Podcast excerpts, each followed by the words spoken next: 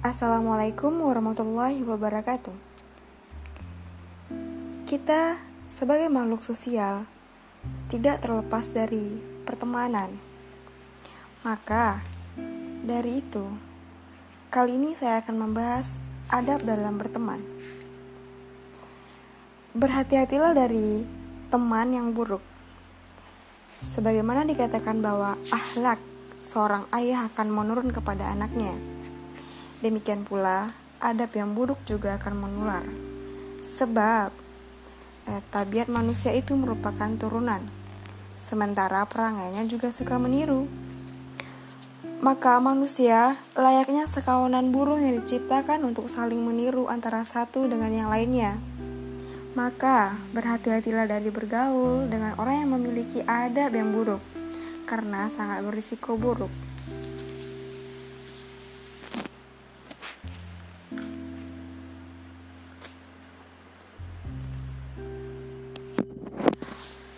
Oleh karena itu, dalam berteman, kita wajib memilih orang-orang yang bisa membantumu dalam mencapai tujuanmu, mendekatkanmu kepada Rabbmu, dan sejalan dengan denganmu dalam sasaran dan tujuan yang mulia.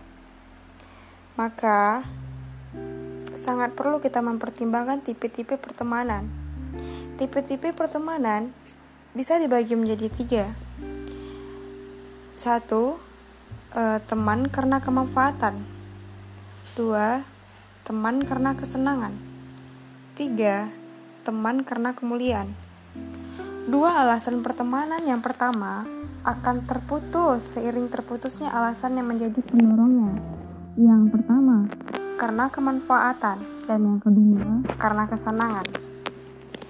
Sedangkan eh, pertemanan yang ketiga adalah pertemanan yang jenis inilah yang bisa diandalkan, yaitu pertemanan yang faktor pendorongnya adalah saling mempercayai dan saling